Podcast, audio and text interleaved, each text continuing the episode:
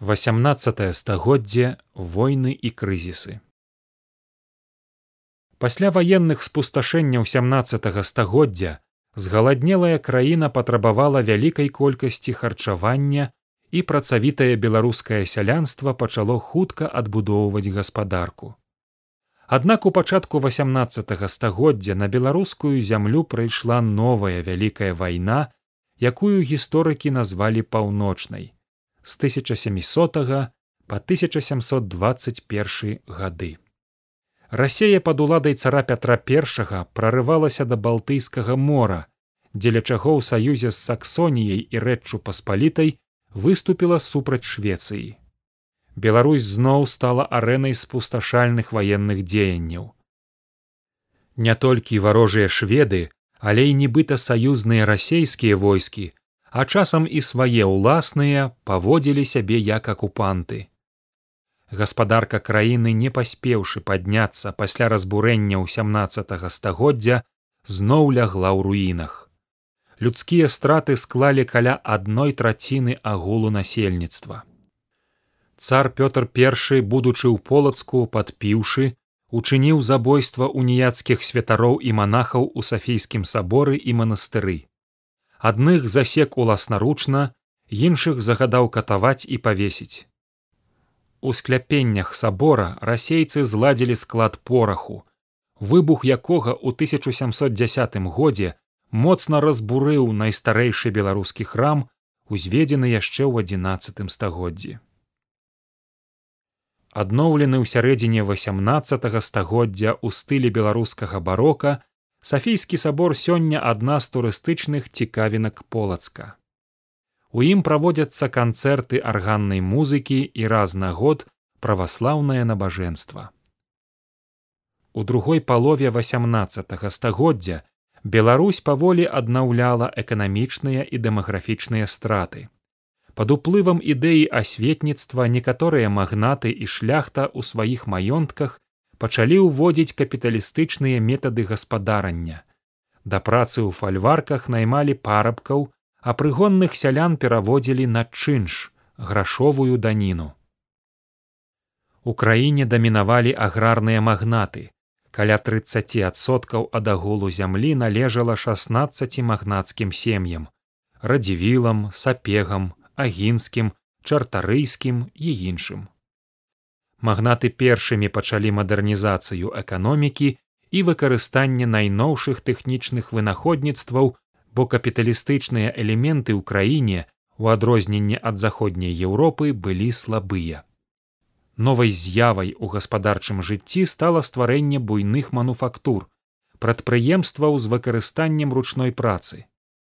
Большасць з іх арганізоўвалася магнатамі і вырабляла прадметы раскошы найперш для гаспадарскага ўжытку.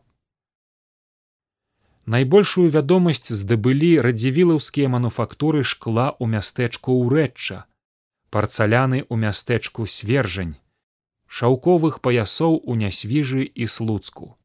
Асабліва праславіліся слуцкія паясы, якія сталі знакам высокага статусу, важным элементам шляхецкага параднага строю слуцкі пояс вытканы ўручную шоўкавых срэбных і залатых нітак меў даўжыню ад двух до пяти метраў ад тридцати до пятидесяти сантиметраў шырыні і каштаваў як цэлы маёнтак.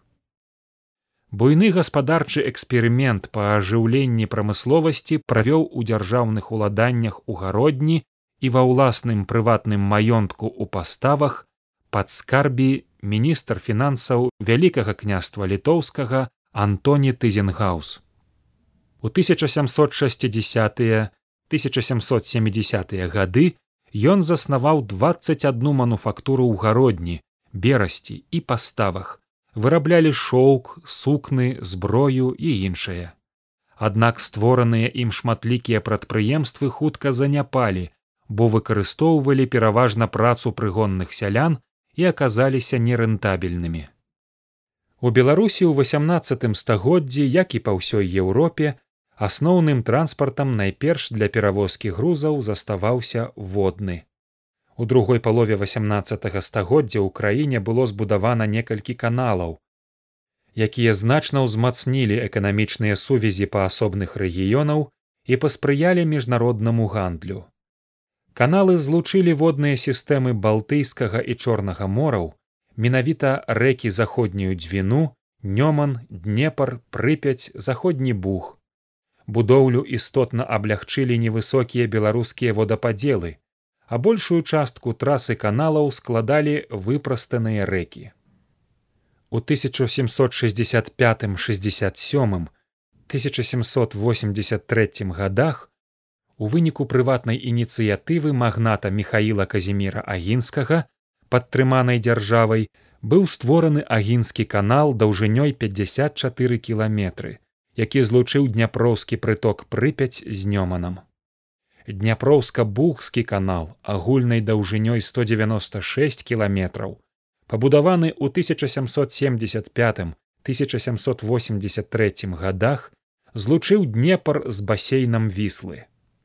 Заходнюю дзвіну з дняпром паяднала бярэзінская сістэма каналаў даўжынёй 162 кіламетры.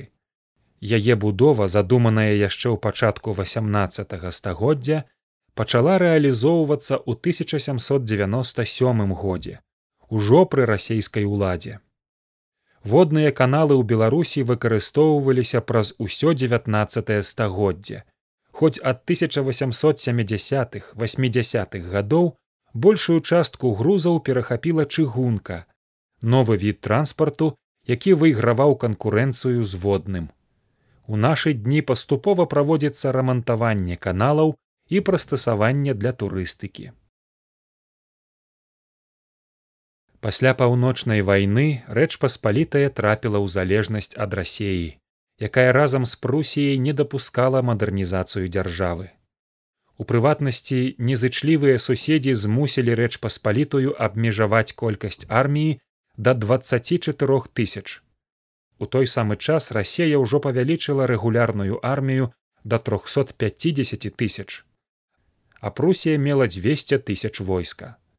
Таму першы падзел рэчы паспалітай у 1772 годзе з удзелам рассеі прусіі і аўстрыі не сустрэў супраціву перспектыва поўнай страты дзяржавы прымусіла частку шляхты прыняць праграму шырокіх рэформаў грамадскага жыцця аднак рассея і прусія не дапусцілі яе рэалізацыі яны разбілі войска рэчы паспалітай у кароткай вайне 1792 года і правялі другі падзел краіны тым разам без удзелу аўстрыі занятай змаганнем з рэвалюцыйнай францыяй.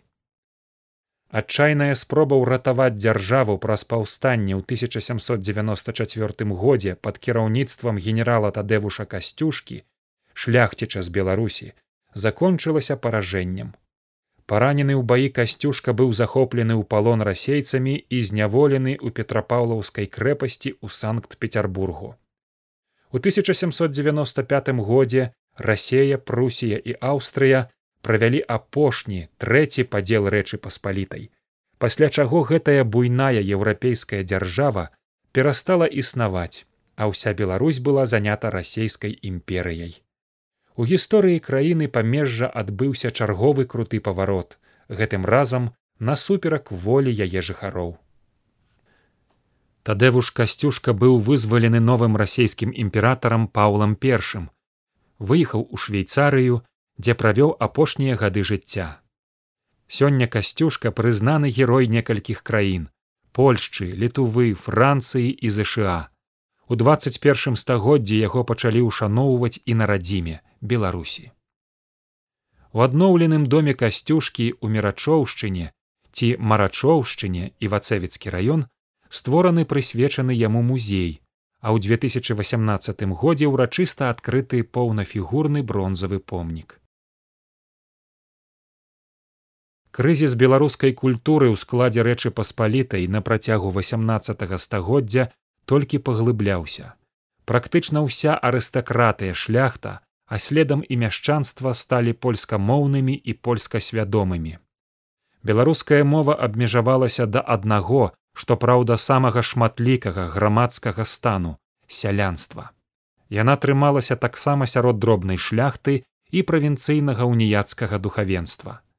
Сяляне кансерватыўныя па сваёй прыродзе саслоўе моцна прывязаныя да звычаяў продкаў складалі абсалютную большасць насельніцтва краіны каля соткаў менавіта беларускае сялянства ўратавала народ ад поўнай асіміляцыі захаваўшы на працягу стагоддзяў асновы культуры гэтак званую традыцыйную культуру і жывую мову аднак страта дзяржаўнага статусу не затрымала распаўсюджанне беларускай мовы сярод сялянства у памежных літувіскіх рэгіёнах.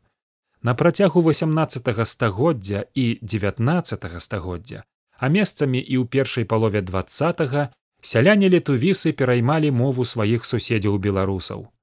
Як выявілі этнографы на рубяжы девятнаццатого і двадцатого стагоддзяў больш за шестьдесят адсоткаў жыхароў віленскай губерні ўжо гаварылі па-беларуску. У восемнадцатым стагоддзі амаль цалкам заняпала беларускамоўная літаратура і кнігадрук. Але мова шматмільённага народа з даўняй пісьмовай традыцыяй не магла знікнуць проста так.